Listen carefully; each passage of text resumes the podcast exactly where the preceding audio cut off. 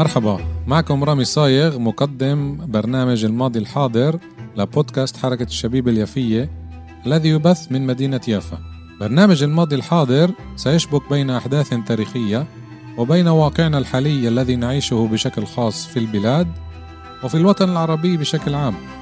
سأستضيف من خلال البرنامج شخصيات يافوية وفلسطينية للبحث في هذه الأحداث.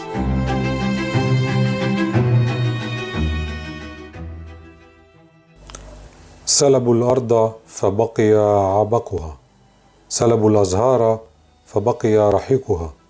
سلبوا الطرقات فبقي غبارها. سلبوا عيون الماء فبقي بخارها. سلبوا المدرسة فبقي علمها. سلبوا البيادر فبقي نسيمها. سلبوا البيوت فبقيت حجارتها. سلبوا واقعها فبقي حلمها. عماد إلياس يعقوب عضو إدارة جمعية أهالي إكرت تشرين الأول 2010 تحياتي مستمعاتنا ومستمعينا الكرام من جميع أنحاء العالم. حلقة جديدة الماضي الحاضر وراء الميكروفون رامي صايغ. رح أقدم لكم حلقة عن قرية إكرث المهجرة والمنكوبة عام النكبة 1948 ومصادري زي ما دايما بذكرها من عدة مصادر فلسطينية وطبعا بتساعد بكراس جمعية ذاكرات لذاكرة فلسطين الحديثة.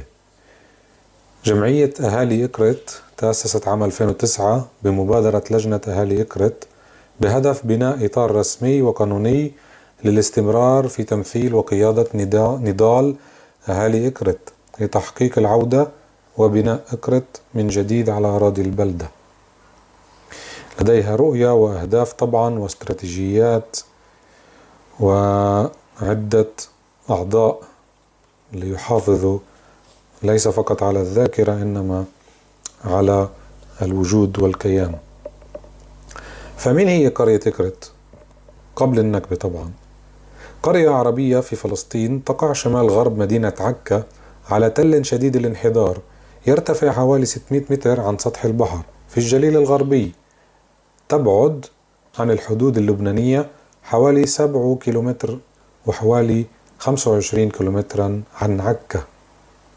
يعود تاريخ القرية إلى أيام الكنعانيين الذين أقاموا في القرية تمثالا يمثل إله سور ملقرط ومن هنا جاء اسمها. وذكرت من بين 19 قرية كان قد احتلها احتلها فرعون مصر تحتمس الثالث أثناء حملته على هذه البلاد سنة 1468 قبل الميلاد واحتلها الصليبيون واسموها أكرف واستعمل الاسم إقرت أو إكرت بالتاء أيام العهد العثماني.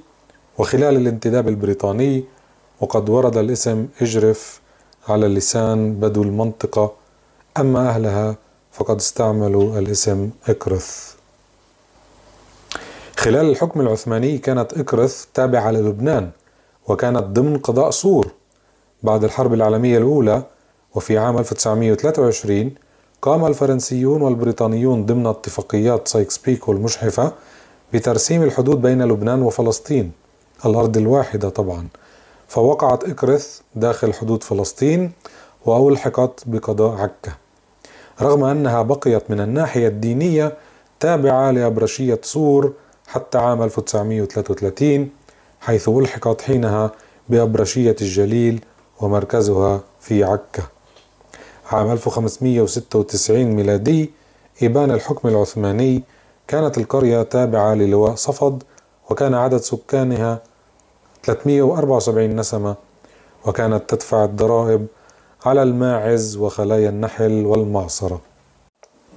في أواخر القرن التاسع عشر كان عدد سكانها حوالي 100 نسمة وجاء في الإحصاءات البريطانية لعام 1933 أن عدد سكان إكرث كان 339 شخصا ليرتفع إلى 460 شخصا سنة 1945 وفي سنة 1947 سكن في إكرث حوالي 500 شخص كلهم من المسيحيين الكاثوليك من العائلات التالية. أشقر أيوب بشارة جدعون حداد حنا خوري خياط داود دوخي سبيت شاهين طعمة عطلة قصيص مرون ويعقوب. بالنسبة للأراضي امتلك أهالي إكرث قبل تهجيرهم أكثر من 24 ألف دنم من الأرض. زرع الأهالي العديد من المزروعات كالقمح والشعير والتبغ. وقد بيع محصول التبغ في حيفا لشركة قرمان ديك وسلطي وكثرت في أرضهم أشجار التين والزيتون والعنب. وكانت مساحات كبيرة من أراضيها مكسوة بأشجار السنديان والصنوبر والبلوط والميس والغار. كما وزرع السكان الخضار للاستهلاك البيتي في بساتين قريبة من المنازل. اعتمد أهالي إكرث على الزراعة كمصدر رزق وكان بالقرية عدد من الدكاكين ومعصرتان تضم إكرث معالم أثرية قديمة كبعض الأرضيات من الفسيفساء وبقايا معصرة عنب وقبور محفورة في الصخر وصهاريج مياه وأدوات من حجر الصوان. زي ما ذكرنا كل كورونا الفلسطينية تعود جذورها إلى الفترات ما قبل الميلاد وهاي إثباتات طبعا بنشوفها ومش بس نحكي عنها. أما بالنسبة للكنيسة بنيت اليوم الكنيسة القائمة اليوم في إكرث سنة 1875 أي زمن الحكم العثماني على أنقاض كنيسة أخرى. سبقتها كانت قد بنيت سنة 1635 ميلادي والتي كانت قد بنيت بنفس مكان كنائس سبقتها.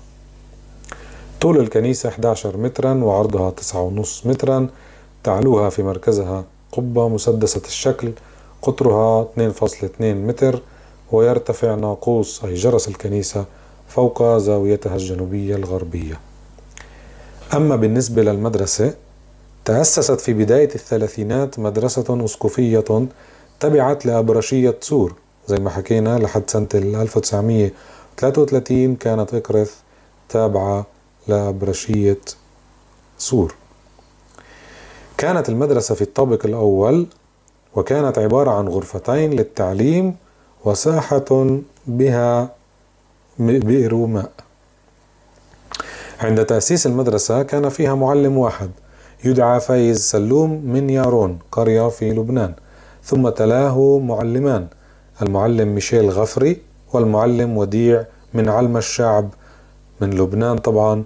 ومن ثم المعلم ذيب الياس عطلة من إكرث والمعلم نصيف من علم الشعب والمعلم سمعان سليم سبيت من إكرث والمعلم فهد خوري من قرية البصة اللي كانت لنا حلقة عنها قبل بضعة حلقات. تعلم بالمدرسة البنون فقط وفي سنة 1945 بادرت إحدى المعلمات بالتعاون مع الراهبات لاستقبال عدد محدود من البنات كنواة لصف مدرسي.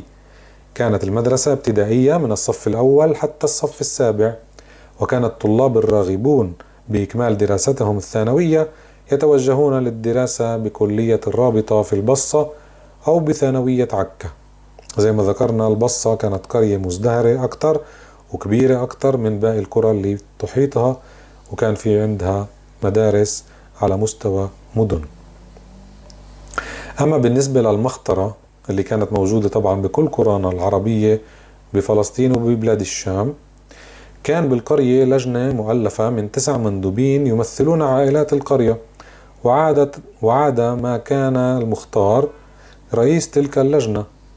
وكان مختار إكرث عند احتلالها عام 1948 هو السيد مبدى حنا داود وسبقه عطلة يوسف عطلة من آب 1947 لتموز 1948 وقبله كان المختار نعمة الله يوسف عطلة من سنة 1936 حتى آب 1947 وقبله خليل يوسف سبيت حتى عام 1936 المصادر واجب الذكر وليد الخالدي كتاب كي لا ننسى بيروت 1997 والموسوعة الفلسطينية دمشق 1984 ودكتور إبراهيم رزق الله رزق عطلة آسف من قرية إكرث المهجرة آه، عام 2006 طبعا سبق وحكيت عن قرية برعم توأمتها لإكرث. إحنا دايما بنلخبط مرات بالتشابه بالأحداث اللي صارت. آه، كل قرية إلها نفس القصة تقريبا. التنتين مر عليهم نفس السيناريو إذا بنفع نقول أو نفس السرد المؤلم اللي آه، ما مروهوش قرى تانيين. احتلال القرية بعد عدة أشهر على بداية الحياة الجديدة الغريبة يعني بعد النكبة وفي يوم 31 تشرين أول 1948 دخلت الكتيبة 92 التابعة لجيش الاحتلال الإسرائيلي إلى منطقة القرية وكان دخولها في إطار حملة حيرام التي بداها الجيش لفرض سيطرته على الحدود الشمالية للدولة العبرية الجديدة. لم يتضمن دخول قوات الكتيبة إلى القرية أي أعمال عنف أو مقاومة بل وتم بتنسيق كامل بين ممثلي القرية من جهة وقادة الكتيبة ومندوبي كيبوتس أيلون المجاور الذين كانوا ضمن قوات الجيش من جهة أخرى جيش الاحتلال. وقد استقبل الجيش الإسرائيلي من قبل السكان بقيادة كاهن القرية الخوري اندراوس قرداحي وهو يحمل الإنجيل بيديه وخلفه الأهالي وهم يحملون الأعلام البيضاء والخبز والملح علامة السلام والوئام. طبعا بيستقبلوا ذئاب مش حملان. في صبيحة يوم الجمعة خمسة تشرين الثاني 1948 انتبهوا إيش صار. طلب قائد الجيش الاحتلال المدعو موشي إيرام من أهالي إكرث تجهيز أنفسهم للرحيل إلى الرامة لمدة أسبوعين معللا ذلك بأسباب أمنية وبالمحافظة على سلامة السكان. ذر الرماد الأولاني بوجوه أهالي إكرت بدأ الترحيل عند فجر ستة تشرين الثاني عام 1948 واستمر ثلاثة أيام بواسطة شاحنات جيش الاحتلال. أبقي في إكرث أبقي في إكرث آسف حوالي خمسين إلى ستين شخصا برفقة الخوري لحراسة البيوت والكنيسة. نزل الإقرثيون ضيوفا على أهل الرامة وعدوا الأيام ليعودوا إلى ديارهم. وبعد مرور أسبوعين على وجودهم في القرية توجه الأهالي إلى مكتب الحاكم العسكري لجيش الاحتلال لطلب الحصول على تصريح للعودة إلى بيوتهم. ففي تلك الفترة عاش الجليل وجميع السكان العرب الفلسطينيين في الدولة العبرية الجديدة تحت الحكم العسكري الذي فرض على كل شخص أو فرض على كل شخص الحصول على تصريح خاص للتنقل من مكان إلى آخر. رفض طبعا الحاكم العسكري منحهم تصريحا للعودة إلى إكرث دون أن يبرر قراره. كشر عن نيابه كيف بنقولها تكررت الطلبات وتكرر معها الرفض إلى أن تبين للسكان أنهم وقعوا ضحية لمؤامرة مدبرة حاكتها السلطات الإسرائيلية لتهجيرهم من بيوتهم بدون إطلاق أي رصاصة واحدة. بتاريخ 29 نيسان 1949 نقلت شاحنات الجيش المجموعة التي بقيت في إكرث إلى الرامة وهكذا أخليت القرية من أهلها تماما. خلال سنة 1949 ليكملوا الجريمة أعلن وزير الدفاع عن دولة الاحتلال أن المنطقة الواقعة بضمنها إكرث منطقة أمنية مغلقة. مرأت سنتين توجه أهالي قرية إكرث يوم 28 أيار 1951 إلى محكمة العدل العليا ما تسمى العليا أو العدل لاستصدار أمر من وزير الأمن ومن مجلس الوزراء يسمح بعودة أهالي إكرث إلى بيوتهم. امتد النظر في القضية بضعة أسابيع إلى أن أصدرت محكمة العدل العليا يوم 31 تموز 1951 قرارها التاريخي والقائل أن عدم السماح لأهالي إكرث بالعودة هو أمر غير شرعي وأن الأهالي كانوا سكان إكرث حين دخول أنظمة الطوارئ. وأضاف القرار لا مانع قانونيا يقف عقبة أمام عودة الأهالي إلى قريتهم صدر القرار المذكور من أعلى هيئة قضائية في دولة الاحتلال وبقي حبرا على ورق حتى يومنا هذا. فوق هيك في ليلة 24 كانون الأول يعني ليلة عيد الميلاد نفذت قوات الجيش جريمتها البشعة فقامت بتفجير القرية بواسطة الألغام والمدفعيات ثم قامت جرافات الجيش بجرف أغلب معالم القرية ما عدا المقبرة ومبنى الكنيسة الذي بقي مهشما متصدعا نتيجة لذلك.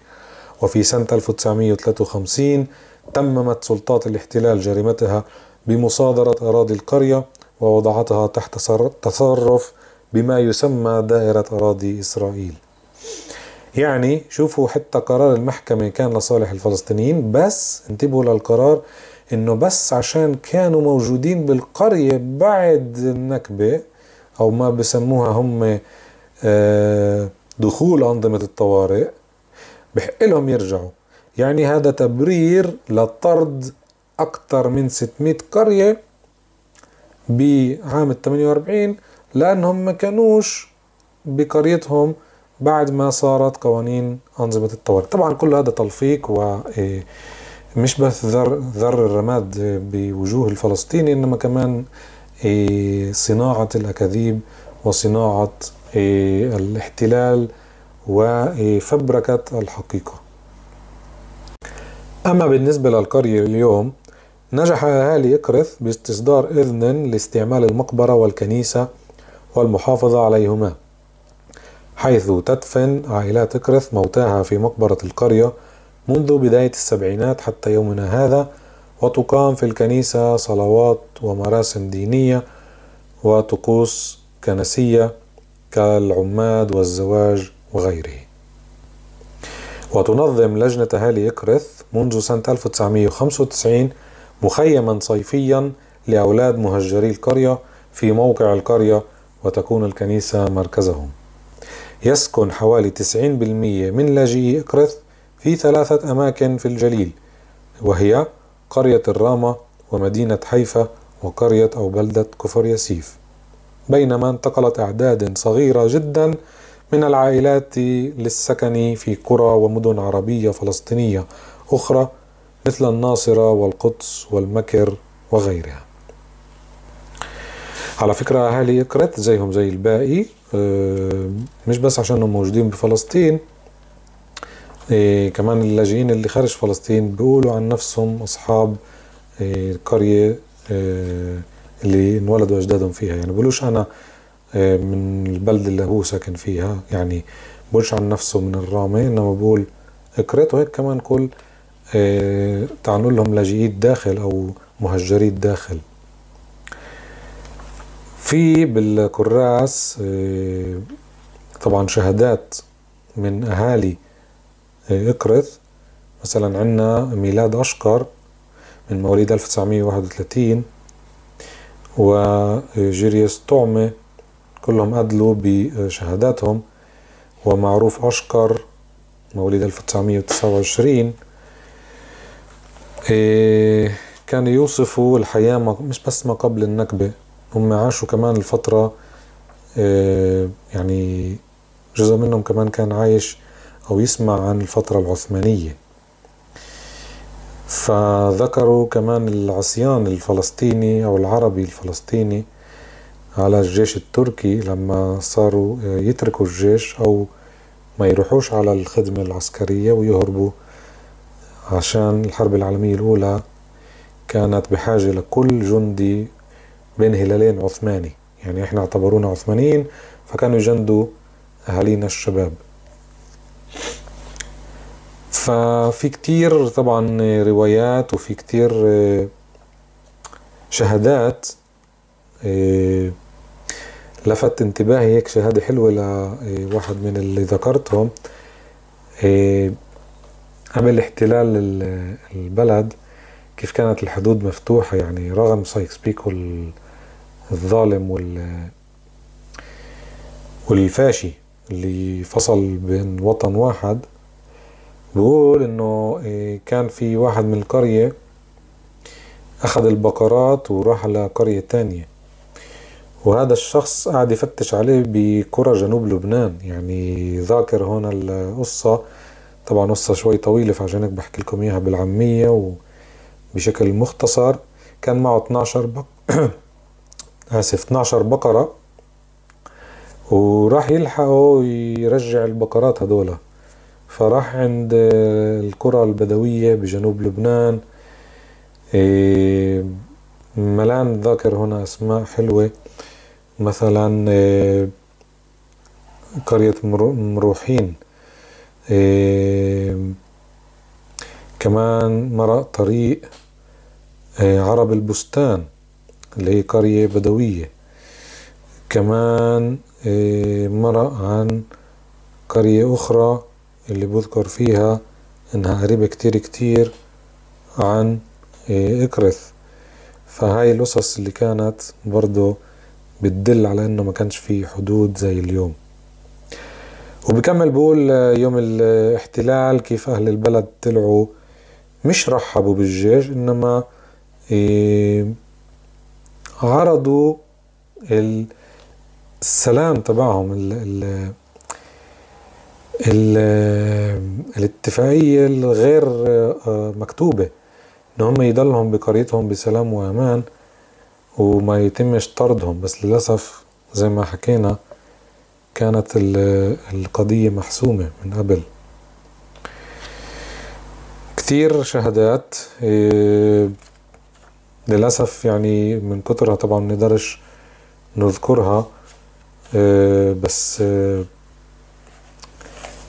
الأهم من هيك إنه نعرف إنه أهالينا وين ما كانوا مروا نفس السيناريو أو نفس